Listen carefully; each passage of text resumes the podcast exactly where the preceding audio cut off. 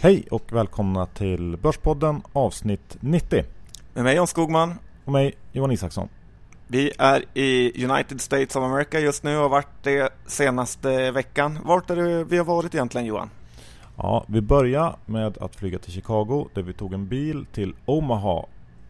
Och Omaha är ju Warren Buffetts hemstad och också den stad där den jättestora Berkshire Hathaway eh, årsstämman hålls. Ja, för stor var den. Ja, och den har vi varit på och det kommer vi att prata om i det här avsnittet med bland annat eh, Per H Börjesson och Västkust-tradern.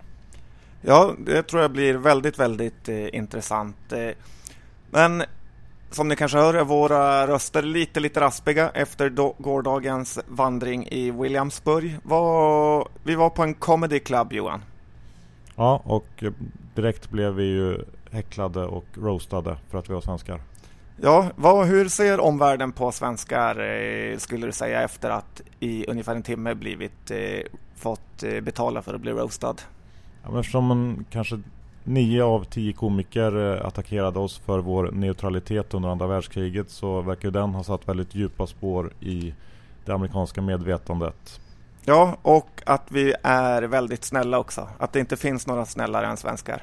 Nej, precis. Så det är väl kanske en ganska bra sammanfattning. Ja.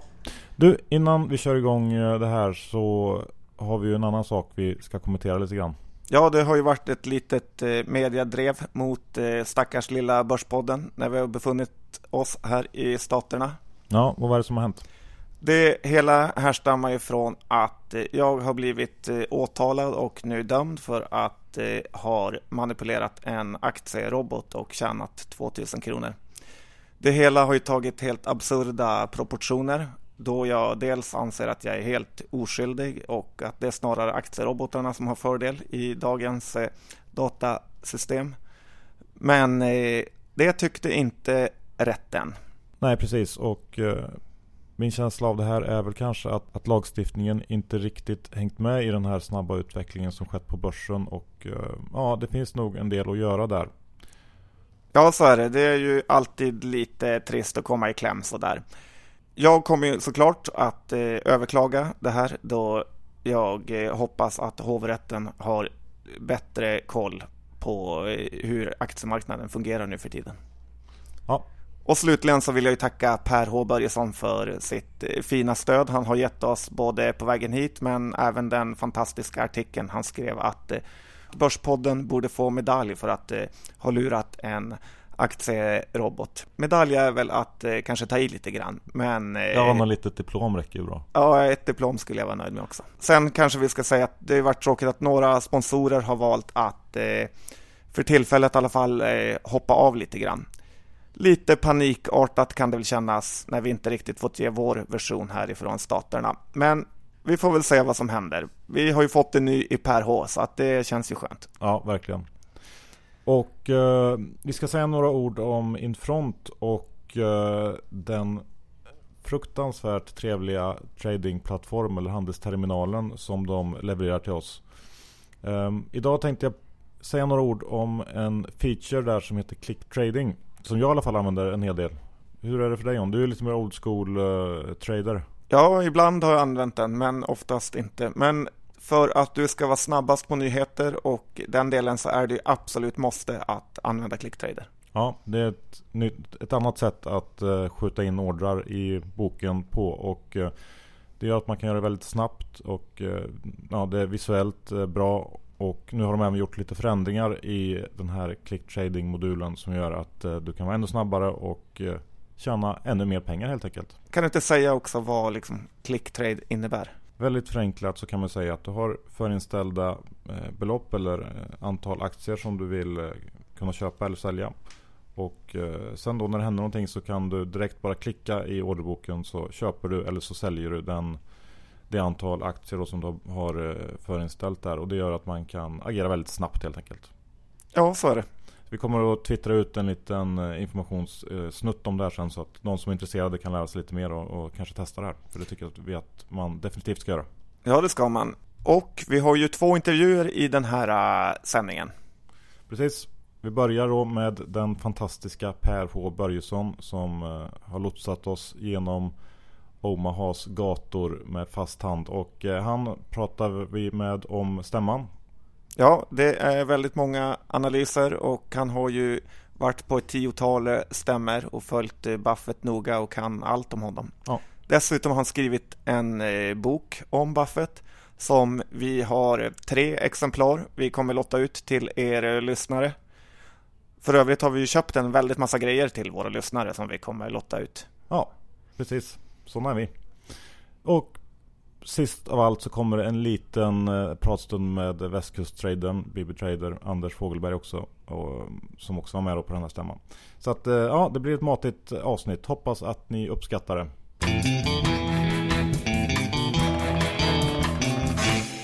Vi sitter här i Omaha efter eh, stämman på Berkshire Hathaway på Per H Börjessons hotellrum.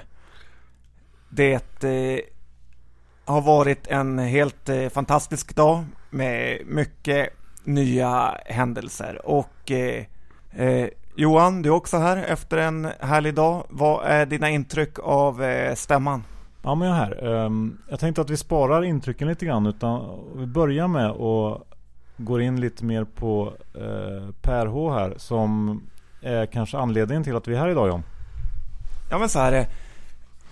Du och jag har haft lite kontakt eh, inför den här stämman och du har ju varit eh, en eh, helt fantastisk hjälp med att fixa biljetter för oss att komma in och även västkusttradern varför du nu fixar biljetter till honom.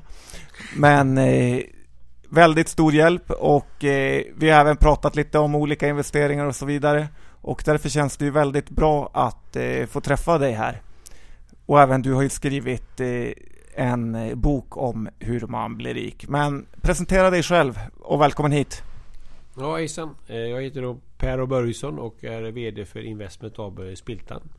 Eh, och det startade som en aktieklubb för 25 år sedan. Men sedan 1997 har jag jobbat heltid med det. Och vi har ju då på med onoterade bolag. Och har lärt oss en del under den här resan. Och i dagsläget så försöker vi då köpa minoritetsposter i onoterade bolag, 30-40% och sen eh, utveckla de här bolagen och hitta entreprenörer som då vill Eh, ja, vi köper för, för, att behålla säger vi då så att vi vill ha entreprenörer som är långsiktiga och som vill ha in en partner. Och sen har vi också startat ett fondbolag som heter Spiltan Fonder som håller på med noterade aktier och eh, eh, och eh, räntepapper av olika slag. Och sen har vi även startat en alternativ aktiemarknad där vi handlar 35 bolag och där även Spiltan-aktien handlas. Då.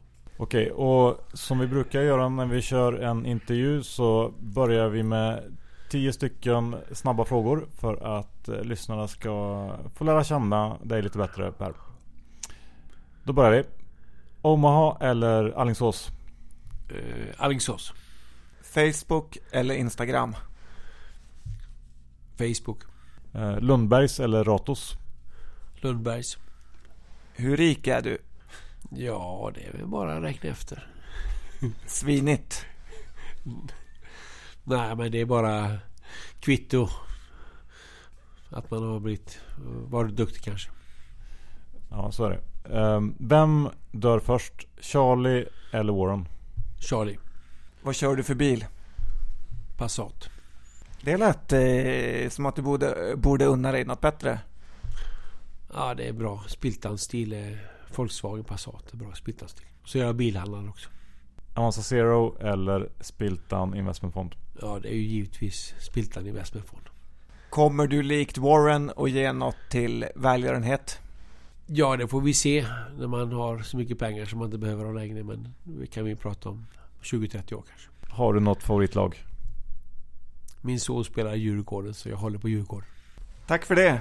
Men om vi ska gå från början. Hur eh, kommer det sig att du har blivit eh, Mr eh, Buffett i Sverige lite grann? Och liksom, vart kommer du ifrån och hur är din bakgrund om vi tittar lång tid tillbaka? Ja, jag har gjort en resa då när jag läste i Linköping. Jag höll på att trada och det var lite sån här point and figure och man köpte aktier och sålde aktier. Men sedan då 1996... Vad är point and figure? Eh, ja, det är ju sådana här man gör nollor och kryss och så ska handla på det då. Det är liksom eh, urs ursprunget till teknisk analys kan man säga va? Ja, just det. Och, det gick ju inte så bra då. Men, men sen 1996 då läste jag den här den första riktiga biograf, biografin som kom om Buffett som skrevs av uh, Löwenstein. Alltså Making of an American Capitalist. Och den, när man läste den här boken, ja, då insåg man att det är ju så här man ska göra. Köpa, behålla, vara långsiktig och Buffetts tankar. Och det, och det var ju eh, bakgrunden när jag omvandlade den här aktieklubben Spiltan till investmentbolaget Spiltan och, och professionella så att säga. Men ingen disrespect, men 1996 var du redan ganska gammal. Ja, det är ju problemet då att man eh, eh, blir eh, för gammal för tidigt och vis för sent så att säga. Alltså, men det är ett, ett problem man har. Att det ja, jag tid. hoppas jag ska bli vis någon gång. För gammal är jag redan. Eh, men vad, hur investerade du innan den här tiden då? Eh, nej, det var väl lite aktieplacerad allmänt och, och, och, köpte. Men lite grann hade jag ju. Jag läste ju USA på slutet på 70-talet och då hade jag en kurslitteratur var den här Random Walk Down Wall Street som var grunden för det här med index, hela starta indexfonden. Så jag hade ju lite grann det här man ska köpa, behålla och, och eh, eh att det, att det var idén så att säga. Att man kanske inte, analytiker kanske inte ger så mycket fördelar. Och det hade jag nog som lite baktanke trots allt. Ja okej, okay. och sen så kom ni igång då med Spiltan och hur, hur, hur utvecklades det i början?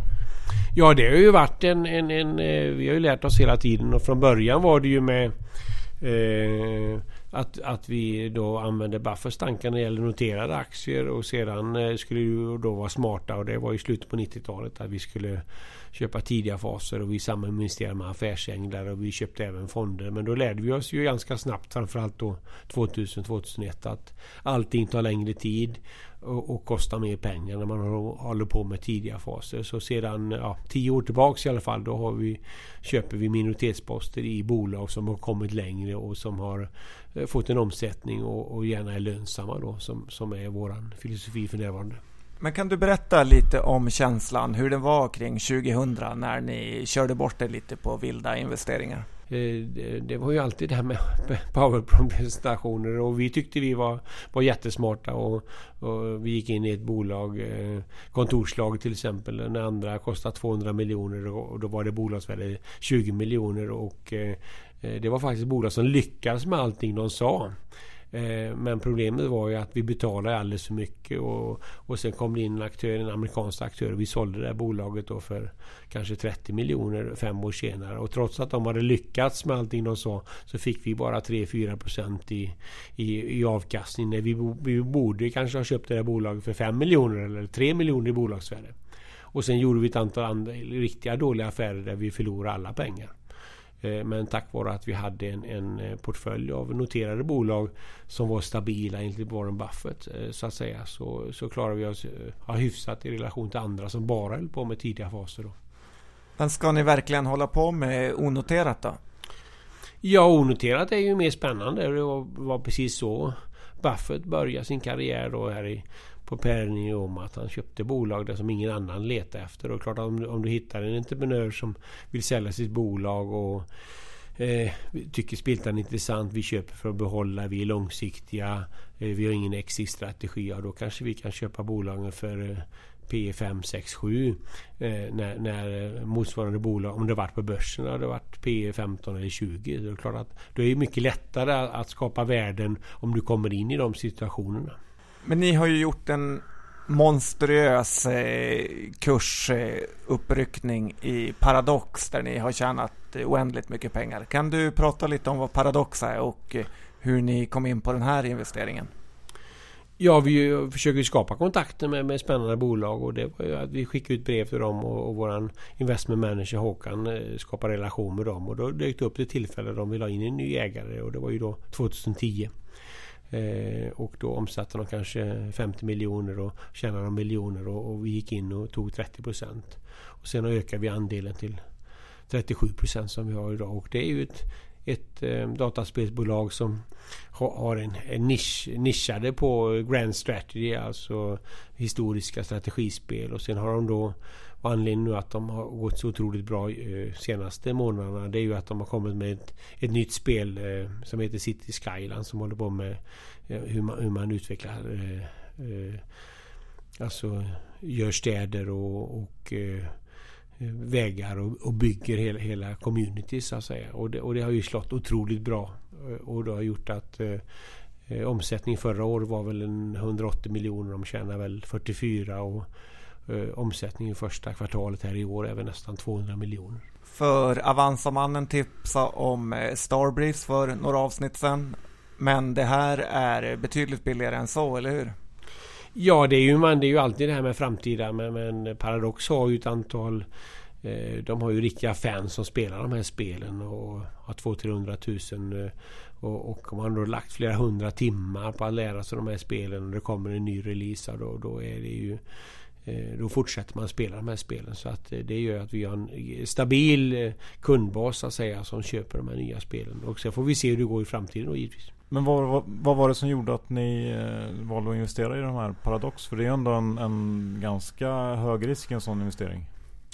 Ja, nu, då var det när vi investerade var det en ganska liten del av, av Spiltan. Men det var att vi, vi eh, trodde på entreprenören och, och, vi kände att det, då gick det ju från eh, eh Eh, då var det, gjorde de fortfarande boxar. Vi kände att den här förändringen att man, att man just eh, gör digital nedladdning.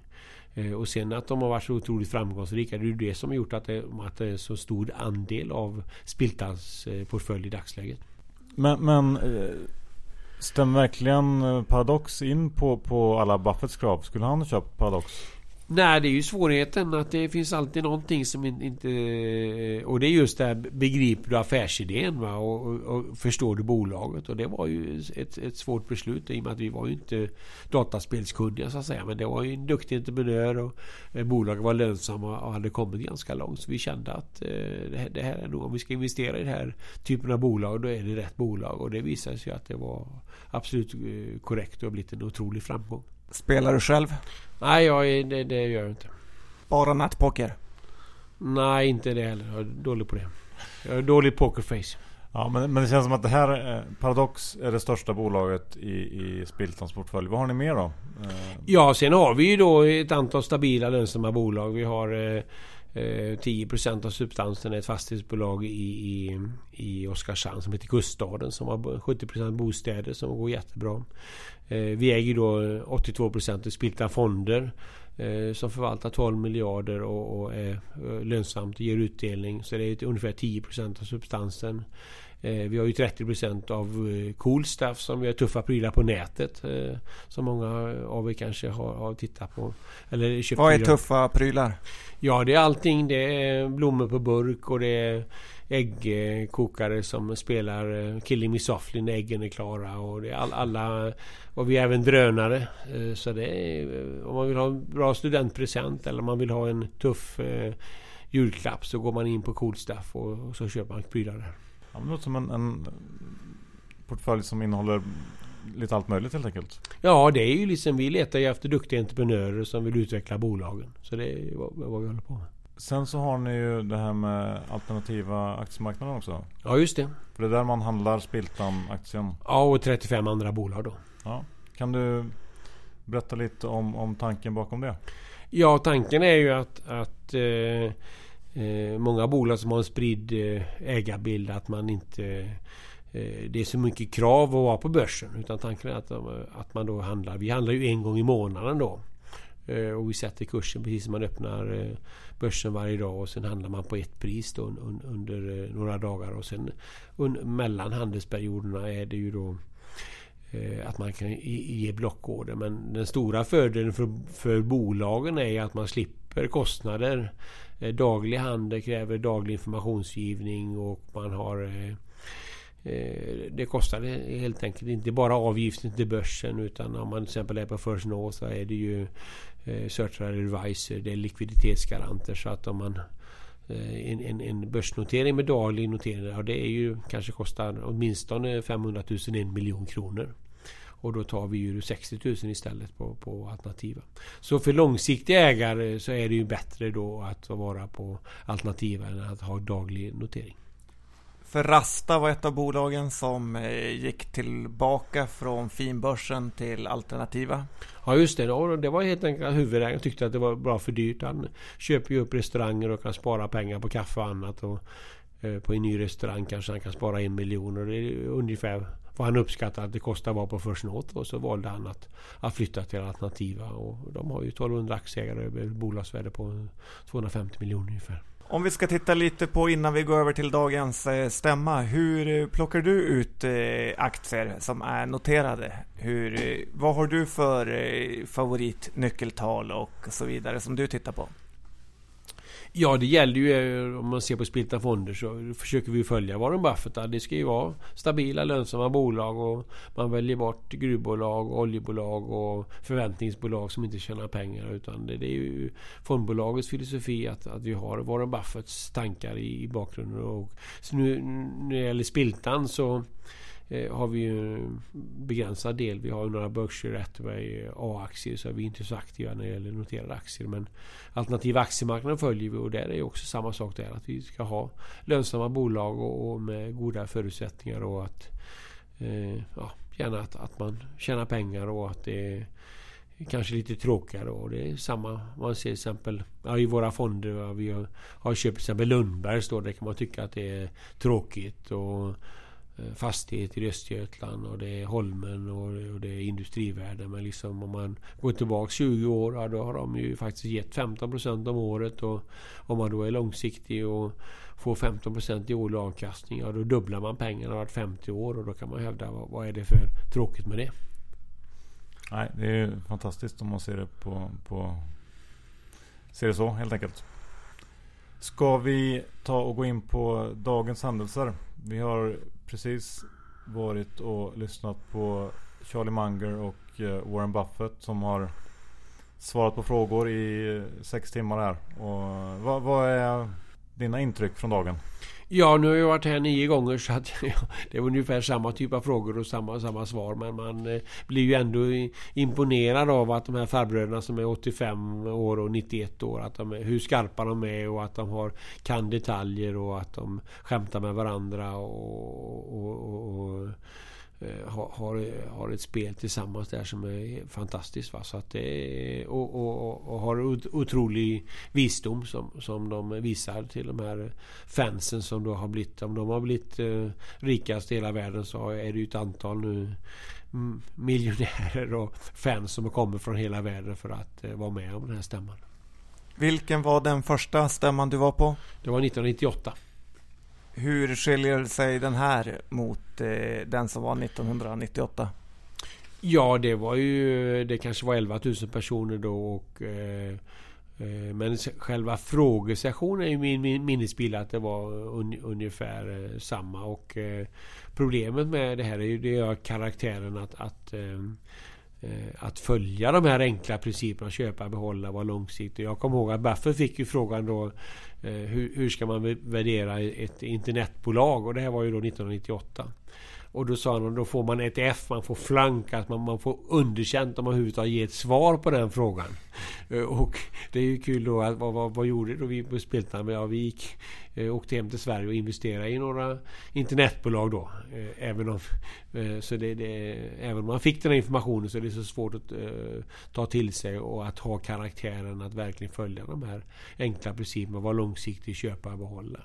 Men, men han verkar inte, han fick någon fråga här idag om, eh, om hur han såg på värderingsnivåerna på börserna kring, runt om i världen. Och han verkar inte så här jätteorolig i dagsläget. Nej, han, han hade ju... Det, det är vissa de här kriterierna med eh, börsvärde i relation till BNP och som han, som han nämnde. Då, då var det ju då högt värderat i, i dagsläget. Men då, då, ja, det var väl lite standardsvar att, eh, i relation till de här räntenivåerna man har. Om man tror att det är sådana här låga räntor även i framtiden. Ja, då är ju inte börsen övervärderad. Det var väl ungefär vad han sa. Vad är din egen åsikt? Ja, jag brukar säga att börsen eh, går upp, eh, ner är lika. Ja, det är ett bra svar. Eh, ja, jag fick, jag, min känsla där var ju lite att, att För att 99 så vet jag att då var han ju ute och varnade just för Att använda det här BNP-måttet som, som argument. Men då hade det gått ganska dåligt för, för Buffett och han hade haft en period som var lite sämre. och var lite ifrågasatt. Och nu är det lite tvärtom att han haft en extremt bra period. Och är kanske mer hyllad än någonsin. Och, och hela den här strategin han har. Att...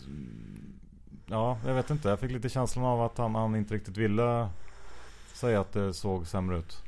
Eh, det är kanske lättare att göra det om det har gått dåligt ett tag. Så att man har någonting att skylla på. Jo men det stämmer att han var ju kritiserad 99-2000. Nu är han ute och han begriper inte det här. Och, och han, han, eh, jag vet han skrev i årsredovisning 2000 så skrev han nu har jag gått in i nya Millennium här och nya årsskiftet. Och han hade köpt eh, bolag som höll på med Alltså tegelstenar och, och stövlar och, och målerifärger när alla andra köpte internetbolag. Så tog det några år så var han, var han ju vinnare då. Eh, och sen gjorde han ju ett stort förvärv då i, i form av General Re Som hade en stor obligationsportfölj och det var lite taktiskt för då fick han ju Och i och med att han betalade med egna aktier kan man säga att han fick en, en, en mindre exponering mot aktiemarknaden även om det var inte uttalat men det var, det var ju konsekvens av att han köpte General Re med, med egna aktier då 1999. Men annars har han ju gått ut och pratat just eh, 2008 när han, när han gick ut och, och, och han skrev ju en, en debattinlägg där eh, i oktober 2008 när han buying American Shares. Så det var ju en gigantisk eh, köprekommendation. Eh, men, men eh, eh, då... Det är inte så att han, han, är lite tydligare när det gäller att köpa än, än kanske när man ska sälja? Ja, det kan man nog säga. Han, på slutet där av Stenhammar så sa han ju också faktiskt att han, han, han vill ändå inte sänka kraven eh, för mycket när det gäller mm, Eh, på grund av den här låga räntan och han vill ändå hålla kvar vid, vid, vid, vid de eh, krav de alltid haft när det gäller investeringar. Nej men han, det, är väl, han har ju varit med nu i 50 år så att han har sett högre räntor så han tror väl inte att det kommer att bestå givetvis och då, då, då, då är det ju en annan situation igen då. En annan kul grej och reflektion från stämman är ju hans hat mot eh, Wall Street Bankers. Han eh, har inte mycket positivt att säga om dem. Vad har du att säga om Stureplan Bankers? Ja, men det är ju all, allmänt att eh, finansbranschen är ju rådgivare som egentligen är säljare och ska tjäna pengar på, på eh, konsumenter och, och, sparare. Utan jag tror ju att man kan göra det eh, alldeles själv. Köpa och behålla investmentbolag till exempel. Och så behöver man, det enda beslut man behöver fatta och så gör man det i 30 år och då blir man miljonär om man lägger, sparar tillräckligt mycket varje månad. Så att, eh, men det svåra är ju då att ha karaktären och följa de här principerna och verkligen våga fatta egna beslut. Och svenskar är ju fantastiska. Att man målar hus och man lägger takpannor med massor med dumma saker. Men, men när det gäller att göra sina egna placeringar då vågar man inte göra det. Utan då tror man att man måste gå till banken och få någon råd. Som, och det innebär att då, då tar man kanske 70-80% av slutresultatet med dolda indexfonder och andra saker som, som man får som rekommendationer. Och det är ju anledningen också varför investmentbolag tycker jag har rabatt. För att de har ingen distributionskanal. Det är samma med Berkshire Hathaway. Det var ju ingen som... Det tog ju 40 år med 20% i årlig avkastning innan någon överhuvudtaget brydde om vad, vad Buffett gjorde. Ja, men nu är vi inne på det här med, med långsiktighet som, som ju känns som ett ledord lite grann. Och eh, han fick ju en del kritik här på stämman om eh, kring det här samarbetet de har, har börjat med med det här riskkapitalbolaget eh, 3G. Att eh, om det verkligen eh, var i linje med deras liksom, långsiktighet och, och hela det här, de ledorden de har levt efter under alla år. Ja, det är ju det han lever på. Alltså när man inte vill sälja sitt bolag till en industriell aktör Eh, vad händer då? Ja, då kommer den industriella aktören och lägger ner den här firman du byggt upp under 40-50 år. Eh, och där, därför säljer man till Buffett. Och, och alternativet är då kanske man, man säljer till en finansiell aktör. Och, och, vad händer då? Ja, då tar det fem eller sex år när de här fondstrukturerna de ska sälja vidare. Ja, då säljer man till en industriell aktör eller går ut på börsen. Och det är det Buffett säger. Om man, om man är viktigare var bolaget hamnar. Och då säljer man till Buffett exempel det här sista eh, bilhandelsbolaget. Då. Eh, och då är klart att då är frågan som man ställer sig då om man nu då gått in med de här 3G som är kända för att eh, då byggt upp världens största bryggerikoncern de har snurrat runt i Burger King och nu tillsammans med dem köpt Heinz där det finns mycket middle management och andra där som ska skära. Då vill inte Buffett göra det själv. Utan då köper han 50% eh, tillsammans med dem. Eh, och så lånar han ut pengar och sen är väl tanken då att eh, han så småningom ska ta ut över hela 3G. Och då kan man ju tänka sig att de här familjeföretagarna som har sålt till Buffett. Finns det nu en risk att, att han kommer slänga 3G på dem också? Så att mm, ja, exakt. Det var det, det, som var en del frågor kring.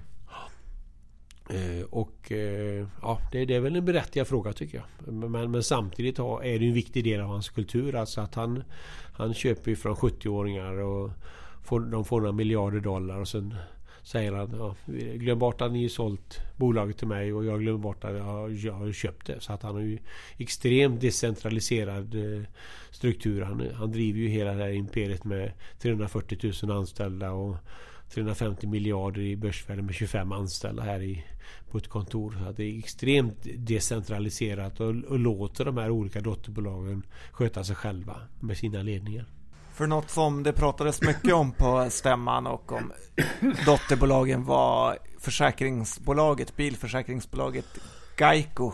Just det. Eh, ja, det är ju en stor del av framgången att han börjar med att köpa ett litet försäkringsbolag då 1967 och sen är det att han eh, fortsätter med Geico som håller på med eh, Ja, de har ju vuxit från att ha 2% av USAs bilmarknad eller bilförsäkringsmarknad till 10%. de är otroligt framgångsrika i och med att de går förbi eh, distributionskanalen utan och säljer direkt då, och då får man billigare bilförsäkringar. Och då får han ju in premierna. Det är en stor del av hans framgång att han har eh, eh har en float, att han får in pengar som man kan förvalta eh, och sen tar det tid innan det blir eh, utgifter för de här försäkringarna. Och det har, det har ju vuxit från Eh, det var väl 18 miljoner han köpte det första eh, försäkringsbolaget. Nu har han väl över 80 miljarder dollar i float eh, som han förvaltar. Köper ni på Spiltan några försäkringsbolag? Ja, problemet är ju att vi håller på med svenska aktier så finns det ju inte så många svenska försäkringsbolag att köpa. Det finns få entreprenörer men vi har funderat lite grann på det. Men vi har ju lite aktier i Berkshire Hathaway då. Vi har fyra stycken A-aktier. Det finns ett väldigt billigt just nu som heter Vardia i Norge. Är det något du är sugen på? Ja, jag får titta på det. Jag har någon annan som har nämnt det där så att vi får eh, kolla upp det. Kanske en idé för Spiltan. Sen kom det ju en del frågor på stämman kring eh, hur han såg på det här med deras stora innehav i Coca-Cola och eh, sockerkonsumtion och om det verkligen var, var rätt eh, väg att gå. Eh, vad tycker du om hans svar där? Lyssnar du på det? Ja, han... Eh, vad sa han? Att han var, gjorde 25% socker och han, ja, ja, precis. han dricker Coca-Cola själv och, och, och mår bra. Så det var väl en liten undan... Ja, han, han, viftar bort det där ganska lättsamt sådär. Ja, så att det, det är ju helt klart att det, det borde ju vara ett eh, eh problem att det är li, lite sluttande plan på konsumtion av läskedryck. Det borde det vara. Men, men samtidigt har de ju så stark position. Han brukar ju säga det att eh, Eh, Eh, ge mig 100 miljarder dollar och du skulle inte kunna skapa den här det marknadsvärdet och eh, den här, den här varumärket då. Eller, eh, och, och iväg till månen kommer tillbaka om 100 år och han tror fortfarande då att man, man köper Coca-Cola och den här positionen så att den är otroligt svår. Ja, då blir ju varumärket en en, en vallgrav runt de här intäkterna som Coca-Cola ger. Men det är klart att eh, på lång sikt så känns det som att de är lite grann på nedåtgående trängt tack vare det här problemet med, med socker och annat. Vilket av alla Buffetts eh, innehav är det som du gillar allra mest? Ja, de har ju många, många innehav. Men eh, det som man är mest eh, fascinerad över det var när han gick då från att köpa eh, dåliga bolag som skulle eh, stiga. Utan det var när man, när man började med helägda bolag som man pratade om. Det är ju Seas Candies då. Där, där man kontrollerar eh, end, eh, slutförsäljning till slutanvändare i framförallt i Kalifornien. Och där man då har gett... Han köpte det för 25 miljoner dollar och sen och, och de, totalt har de genererat kassaflöden på 1,7 miljarder dollar under de här åren sedan början på 70-talet. Så det är ju fantastiskt att just att expo, expansionen kan, kan ha skett utan att man har eh, ökade kapitalkrav. Så det är ett otroligt kassaflöde som man då eh, investerat i lokala tidningsbolag och i det här försäkringsbolaget och i, andra bolag under de, alla de här åren. Men om du gillar choklad bolaget mest? Gillar du Cloetta i Sverige? Ja, det är ju ändå... Det kan man ju fundera just med, med värdering av varumärken och att de har... Eh, eh, att de har en stark position och kexchoklad är jag lite fan av. Men sen har de ju då... Jag kommer från Alingsås och de har lagt ner tillverkningen av karamellpojkarna i Alingsås. Så det är väl lite grann att de kanske är med på min shitlista av det. Men det är ju inte riktigt logiskt kanske. Men... Men om du tittar på deras sämsta innehav då? Vilket är Berkshire Hathaways sämsta innehav? Om du fick eh, sitta bredvid Warren, vilket bolag hade du skickat ut? Ja, det han säger själv som är hans största misstag det var när han köpte de här Dexter Shoes. Va? Inte nog med att eh, bolaget var, har blivit värdelöst. Han betalade över 300 miljoner dollar. Men han, han, han betalade med egna aktier. Eh, och, och då är det klart att Eh, Eh, då om han, jag tror det väl var kanske var 1,5 procent som han gav ut. Och då inte nog med att bolaget blev värdelöst. Idag är det där de 1,5 procenten varit värt eh, 5 miljarder dollar. Så klart att jag tycker att det är en jättedålig affär. Så det, just när man köper bolag med egna aktier om man inte får lika mycket värde som man ger ut. Va? Så det, det försöker han ju undvika. Eh, och han har gjort det i några fall. Och det är ju Dexter ett exempel på som har gått riktigt dåligt. Fruit of the Loom vill jag skicka ut efter att ha sett deras grejer. Vad säger du om det? Ja, jag kan det för dåligt faktiskt. Men, men eh, ja, det, ligger här på sängen. Det ligger ju eh, kalsonger här med Warren och Buff. Ja, jag har faktiskt också köpt dem där. De var riktigt eh, schyssta faktiskt. Så, att, så, att, så jag gillar produkterna men jag kan bolag för dåligt. Hur ser du på det här med, med Warren och Charlies eventuella eller kommande efterträdare som förr eller senare måste täcka in här. För de är ju inte purunga. Nej just det. Och de har, han har ju anställt två killar eh, eh, som sköter investeringsportföljen då. Ted och Todd. Ja just det. Eh, och de har ju fått 7 miljarder dollar var som de håller på att förvalta. Och han, han lovprisar dem och tycker det går jättebra. Och sen, eh, men den stora utmaningen är vem blir operating och, och, och ska ansvara för de här kassaflödena. För det kommer ju in 200 miljoner dollar varje vecka som ska placeras.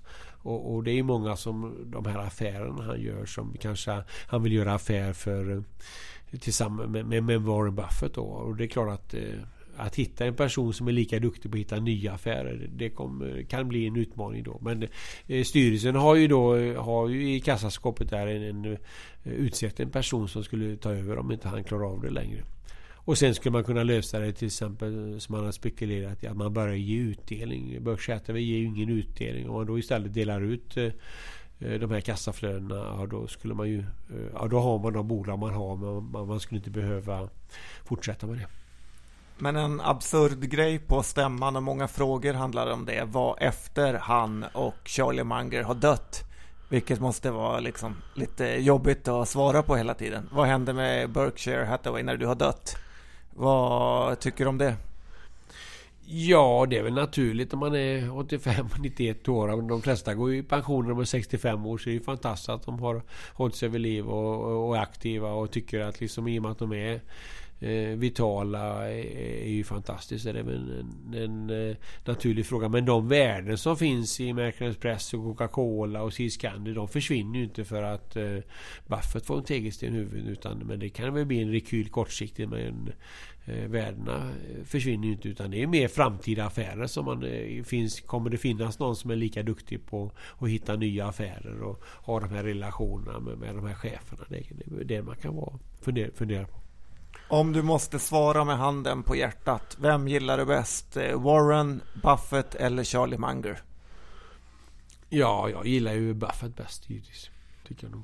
Varför gillar du inte Charlie? Jo, han är ju briljant och han har varit otroligt eh, viktig för, Buffett. Men det är ju ändå... Och, och, men det är ändå Buffett som är, har skapat kulturen och och är outgoing och, och skapar bolag får man väl ändå säga. Jag, jag, tyckte att idag på stämman så var det ju eh, Charlie kanske som, som uh, gav mest behållning för, för oss åhörare i alla fall.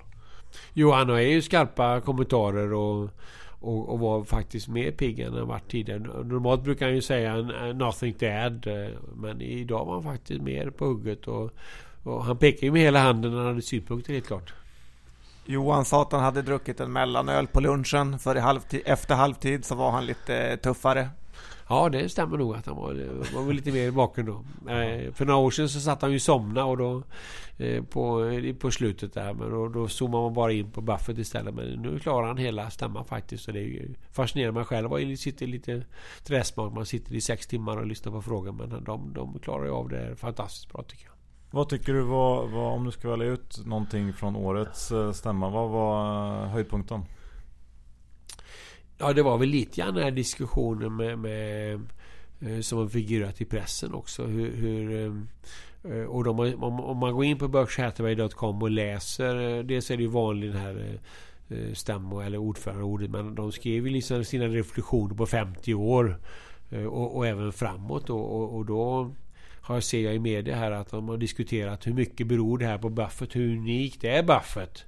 Kontra och kan man göra det själv? Va? Och då är det klart att eh, då är ju de här teorierna applicerbara tycker jag då på eh, i olika länder och det är folk från hela världen som kommer nu eh, som är fans och som försöker applicera det här med köpa, behålla, vara långsiktig och skapa relationer då med entreprenörer och som inte vill sälja till någon annan. Så att jag vill hävda att, att det här går absolut att applicera överallt i Sverige eller var, var man än är. Och, och, det gäller bara karaktärer att följa principerna. Och det är, men sen är i och för sig är då Buffett och Munger unika personer och klart unik kompetens och är otroligt duktiga. En, en, sak som jag reflekterade lite över var ju att det var Det måste varit någon slags rekord i år. Jag har inte varit här förut men, men det var ju fruktansvärt mycket folk och du sa Vi köade ju tidigt på morgonen för att komma in och få bra platser och ändå fick vi inte jättebra platser. Nej, de senaste fyra fem åren har det, har det varit lättare. Vi, vi stod och väntade. Vi var ju där klockan sex. Och de öppnade dörren klockan sju. Och vi, vi var nästan där vi fick plats i den stora salen med 20 000 eh, personer. Då. Så att det, det brukar vara eh, betydligt lättare att komma fram. Men det var ju just att det var ett eh, 50-årsjubileum då. Eller är det att börsen är på topp? Ja, eller så börjar folk, det är många som har funderat på det och borde åka hit. det är säkert hundra svenskar här. Va? Det är klart att eh, eh de blir inte yngre varje år som går. Så att om man ska vara med på det här så, så börjar det väl bli eh, kanske de sista åren. Och då är det många som har funderat på det och hört talas om det. Och, och det har skrivits mycket om i media. Så det är klart att eh, eh då, då, är det väl en, en, bra tid kanske att åka och titta på det här. Men du var ju makalöst rutinerad och hade tagit med dig tidningar för att paxa sätena till eh, svenskar. Det var ingen annan som var så rutinerad som du. Ja, vi har ju varit med några år nu så att det gäller ju att springa in och, och få, få plats så att säga. Så att, vi, så att man fick plats. Men det är ju problemet när man kommer många. Vi, det är ju privata affärer som ordnar en resa här. Vi var väl 30 personer och sen var det ju ett antal andra som var med också. Som, med, med, med, för, för att komma in så att säga. Men med då alla intryck vi har fått härifrån dagen. Eh, hur ser du på, på Berkshire som investering framöver? Är det någonting att, att investera pengarna i nu? Ja, jag brukar ju skriva en sparebell när jag varit här och säga att det är absolut en aktie man ska ha. Och det, de flesta, man går till en rådgivare, då säger de att köpa en globalfond. Det är sådana standardråd. Och då, då, får man ju normalt kanske 40% USA. Men om man då vill ha exponering med, mot USA och eh, amerikanska ekonomin. Ja, det måste vara mycket bättre att köpa Berkshire Hathaway-aktier. Då får man ju American Express, man får eh, Coca-Cola, man får investeringar då för eh, totalt. Och sen får man då kassa på 60 miljarder dollar. Så totalt får man ju, om man nu relaterar det här till en eh, A-aktie på investeringar på 140 000 dollar. Och sen har man då kassaflöden då på, det är väl eh, nästan 11 000 dollar per A-aktie. Eh, om man då värderar dem till 10 och då är man uppe i, i värdering på en eh, 250 000 dollar och aktien står idag i 210 000 drygt. Va? Så att den är fortfarande, om man, om man gör den värderingen, och den är fortfarande undervärderad. Och sen då hävdar jag att det är, det är, liksom, det är ingen risk i den här aktien. Liksom han, han köper då tillbaks till 120% av book value. Eh, så det innebär ju att och det kanske ned, risk att den går ner kanske 15-20% från dagens kursnivå. Men om den faller så mycket då kommer Buffett köpa tillbaks med den här kassan då på 60 miljarder dollar. Så att det är en aktie med begränsad nedsida. Eh, men det är klart att i framtiden om man har historiskt sett har klarat 20 procent eh, från 65 så är det mycket svårare nu i och med att han har så mycket, otroligt mycket pengar. Men att, att aktien skulle kunna ge 10-15 det, det är väl fullt möjligt. Men om man inte har så mycket pengar då, hur gör man då? Ja, då köper man ju B-aktie. B-aktie är ju en 1500 dels eh, A-aktie. A-aktien kostar 210 000 dollar. Vad blir, det blir väl en 130 dollar någonting va? Som, Ja, som en, A, som en. B-aktie kostar då. Ja. Och den går ju att köpa på vanliga svenska depåer. Tack så mycket Per. Ehm, och tack för att vi, eh, du hjälpte oss att komma hit och fixa med biljetter och styrde upp. Eh, väldigt trevligt och eh, kul att du var med i Börspodden. Tackar.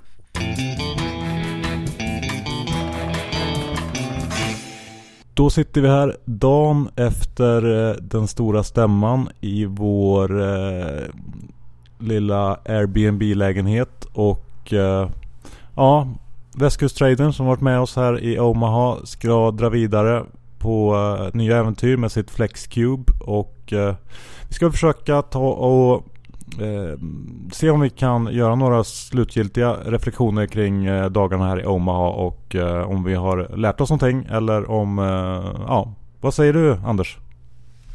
Det har varit eh, väldigt kul att vara här eh, och vara på den här stämman som är väldigt stor och väldigt kul att vara på. Så vi har lärt oss mycket tycker jag. Och var, igår var det ju särskilt som vi sa Charlie Munger som var behållningen. Det var det som var kul tycker jag. Ja, de var lite som Börspodden där framme på scen. Eh, rappa och tuffa. Ja, de, eh, det är kanske ni om, vad blir det, 50 år som sitter sådär och har Börspodden eh, i den storleken. Får vi hoppas. Mer då Johan?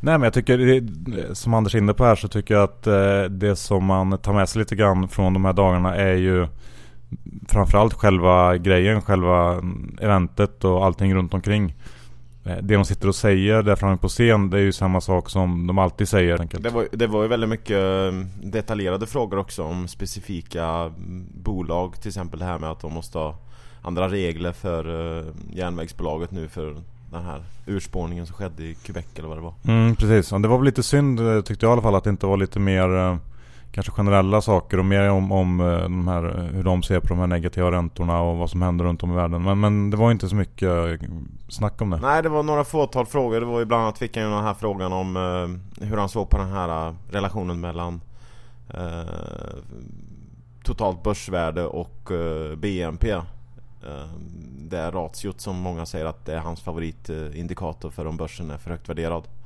och eh, där vill han, det sa han ju inte riktigt rakt ut och som vi Ja ni pratade ju med Per om det igår också men eh, Han ville liksom inte säga att börsen var för högt värderad det, Så var det i alla fall Nej, han verkar ju inte tycka att det var nå- någon jättefara just nu. Men la väl till en liten brasklapp där om att om räntan eh, går upp så, så kan det gå ner en del. Ja. Såklart. Vi ska väl heller inte glömma bort det svenska bidraget från EFN som eh, gjorde kanske en eh, lite skandalomsusad fråga. Kan du berätta vad de sa Bibi? Ja, nej men det var ju det som var kul tycker jag, det var ju att det var ju, mm, Jag vet inte hur det har varit tidigare år men det var ju Det kändes som att det har ju växt ju för varje år här och det var väldigt många som kom från andra länder Kina, Sydkorea, Japan eh, Kanske särskilt, ja Tyskland också stä- som ställde frågor om man säger och Ehm, man inser ju att de är ju kända runt om i världen eh, för många investerare ehm, Och eh, då, ja, många på något sätt så får man ju ställa frågor där av ehm, någon utlottning eller vad det är och då, då var det ju Så ställdes ju det svenska bidraget var ju att uh, what, what is the answer to the most intelligent question I could ask you right now? Och vad svarade Charlie Munger på det? Först blev det ju lite tyst och sen så sa han att I don't think that's a really good question Är det så att det var eh, så att klockorna stod stilla faktiskt? eh, Men så kan det vara ibland. Ja, Ja, äh, men, men ehm, och sen på den här själva stämman då så eh, fanns det ju en hel del kommers också. Alla Berkshires eh, bolag, eller kanske inte alla, men många av dem eh, fanns i utställningshallen som låg bredvid och eh, man kunde shoppa på sig eh, ja, allt möjligt som var Warren och eh, Charlie relaterat och även eh, utställningar av, av deras billiga hus för 69 500 dollar. Vilket var fantastiskt att se hur man kan få ett hus för så lite pengar. ja ja, det var, det var ganska kul att gå runt och titta på, på alla produkter där. Det var, det sa ju Per också att det är väldigt många som bara åker hit för att, för att handla där på den utställningen för det är 15% rabatt mot vanliga priser. Eh, men man, man slås ju av att han har väldigt mycket varumärken eh, vid sidan av Coca-Cola, American Express, Wells Fargo och eh, vilket är det fjärde stora nu då? IBM. IBM ja, precis som som inte känns alls lika bra utan känns Alltså man undrar ju att det finns även fläckar och solen har fläckar vad man säger vad säger de Fruit of the Loom? Är inte det det du byggt din garderob kring? Nej, alltså Fruit of the Loom eh, fanns ju inte nog med att eh, det märket känns väldigt ute så är ju designen generellt sett på deras grejer ser man ju eh, helt, helt ute i matchen. Jag har kört ett litet test nu. Jag köpte ett sjupack kalsonger för 6 dollar. Så att eh, vi ska se här eh, vad, vad, min dom blir. Men jag håller med lite där. Han har ju även eh, Brooks när det gäller sportskor och sånt. Och det, det är ju inte alls... Det ser man ju nästan aldrig tycker jag. Och sen har han även... De, de hade ju ett bolag som sålde ja, liknande nationalencyklopedin på band på en bok liksom.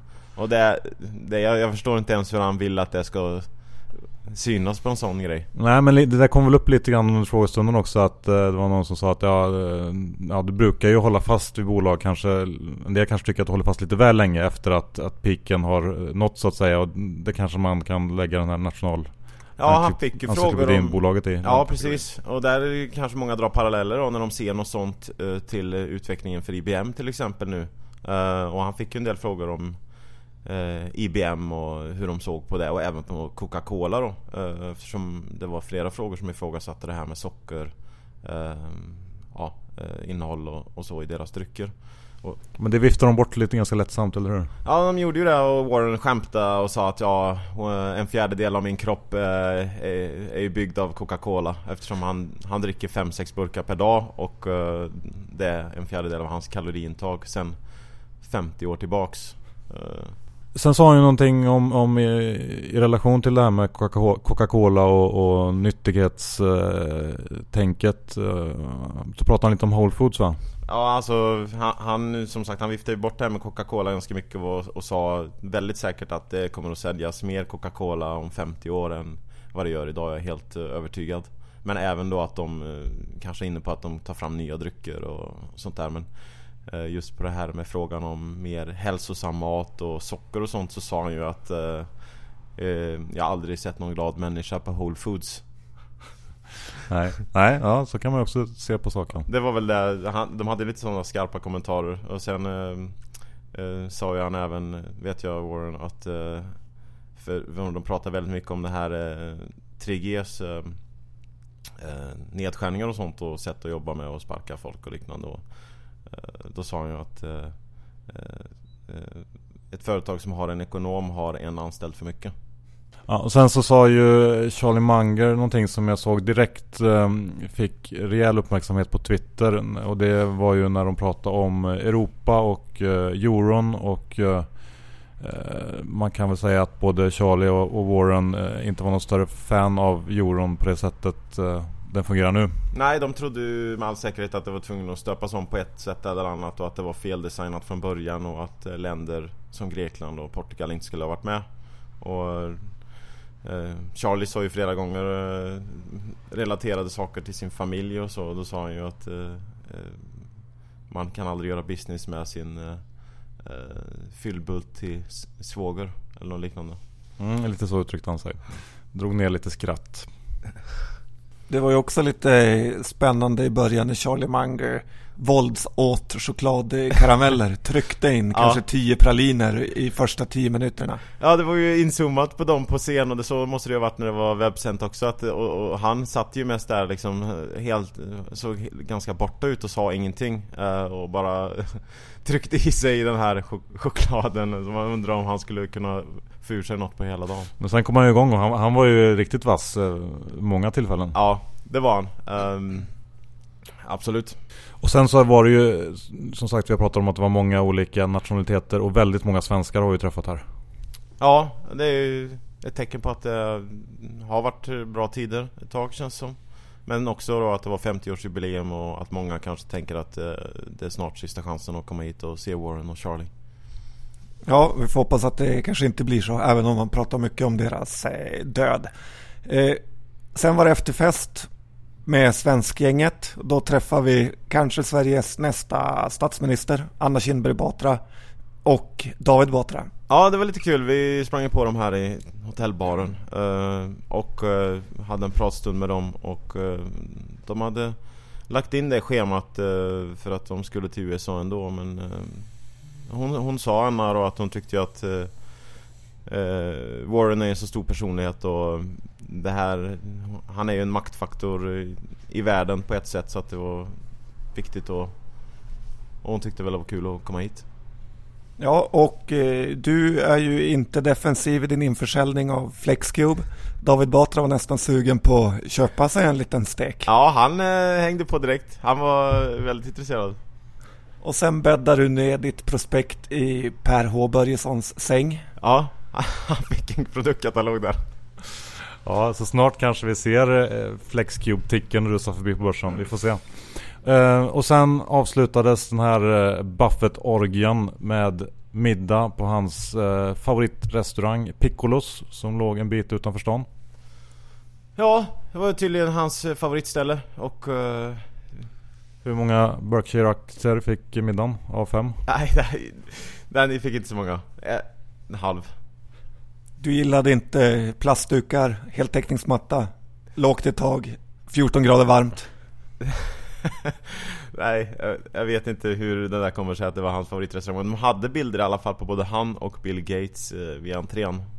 Ja, och middagen var väl ganska, gick väl ganska klassisk amerikansk väg med en stor steak och uh, så fick man En Budweiser. En Budweiser och en bakad potatis Ja, men det slank ju ner ändå. Och med den eh, middagen så avslutade vi vår eh, Buffett-orgie. Men du Anders, du sticker vidare nu. Vi sticker till New York. Eh, har du någon, eh, avslutningsvis här, har du någon, någon eh, kommentar kring känslan i USA för tillfället? Du har åkt runt här några veckor nu och har lite koll på läget. Träffat, eh, varit i fabriker och pratat med många stora bolag.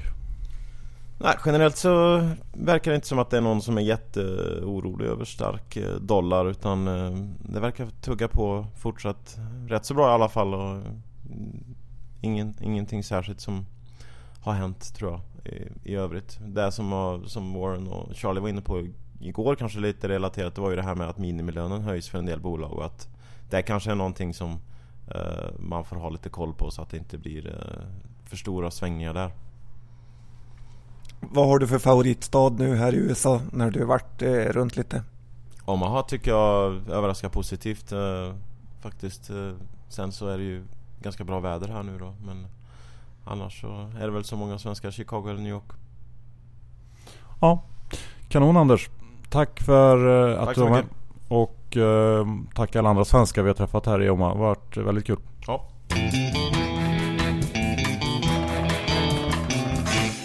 Så det är John, ett långt och härligt avsnitt fylld av Warren Buffett eh, klokskap. Ja, han är klok och han är rik. Ja. Och eh, än en gång stort tack till eh, Per och Börjesson och Spiltan som hjälpte oss med den här resan. Verkligen, tack tack. Och eh, även tack till Infront som har marknadens bästa handelsterminal den använder vi och eh, vill du bli lite vassare i din trading så eh, tycker vi definitivt att du ska fråga efter en infront hos din mäklare. Idag vill vi slå ett litet extra slag för klicktradingen. Eh, vi twittrar ut en länk som förklarar lite mer om det där men det är ett redskap som är väldigt bra att använda om man vill vara snabb på nyheter. Så testa den. Ja, det vet jag att ni kommer göra och bli glada av. Johan, det återstår väl inte så mycket mer för oss att säga efter det här avsnittet. Och utan vi finns på Facebook. Twitter. Och Gmail. Precis. Tack för att du lyssnade. Ha det så fint. Vi hörs om en vecka igen. Hej då!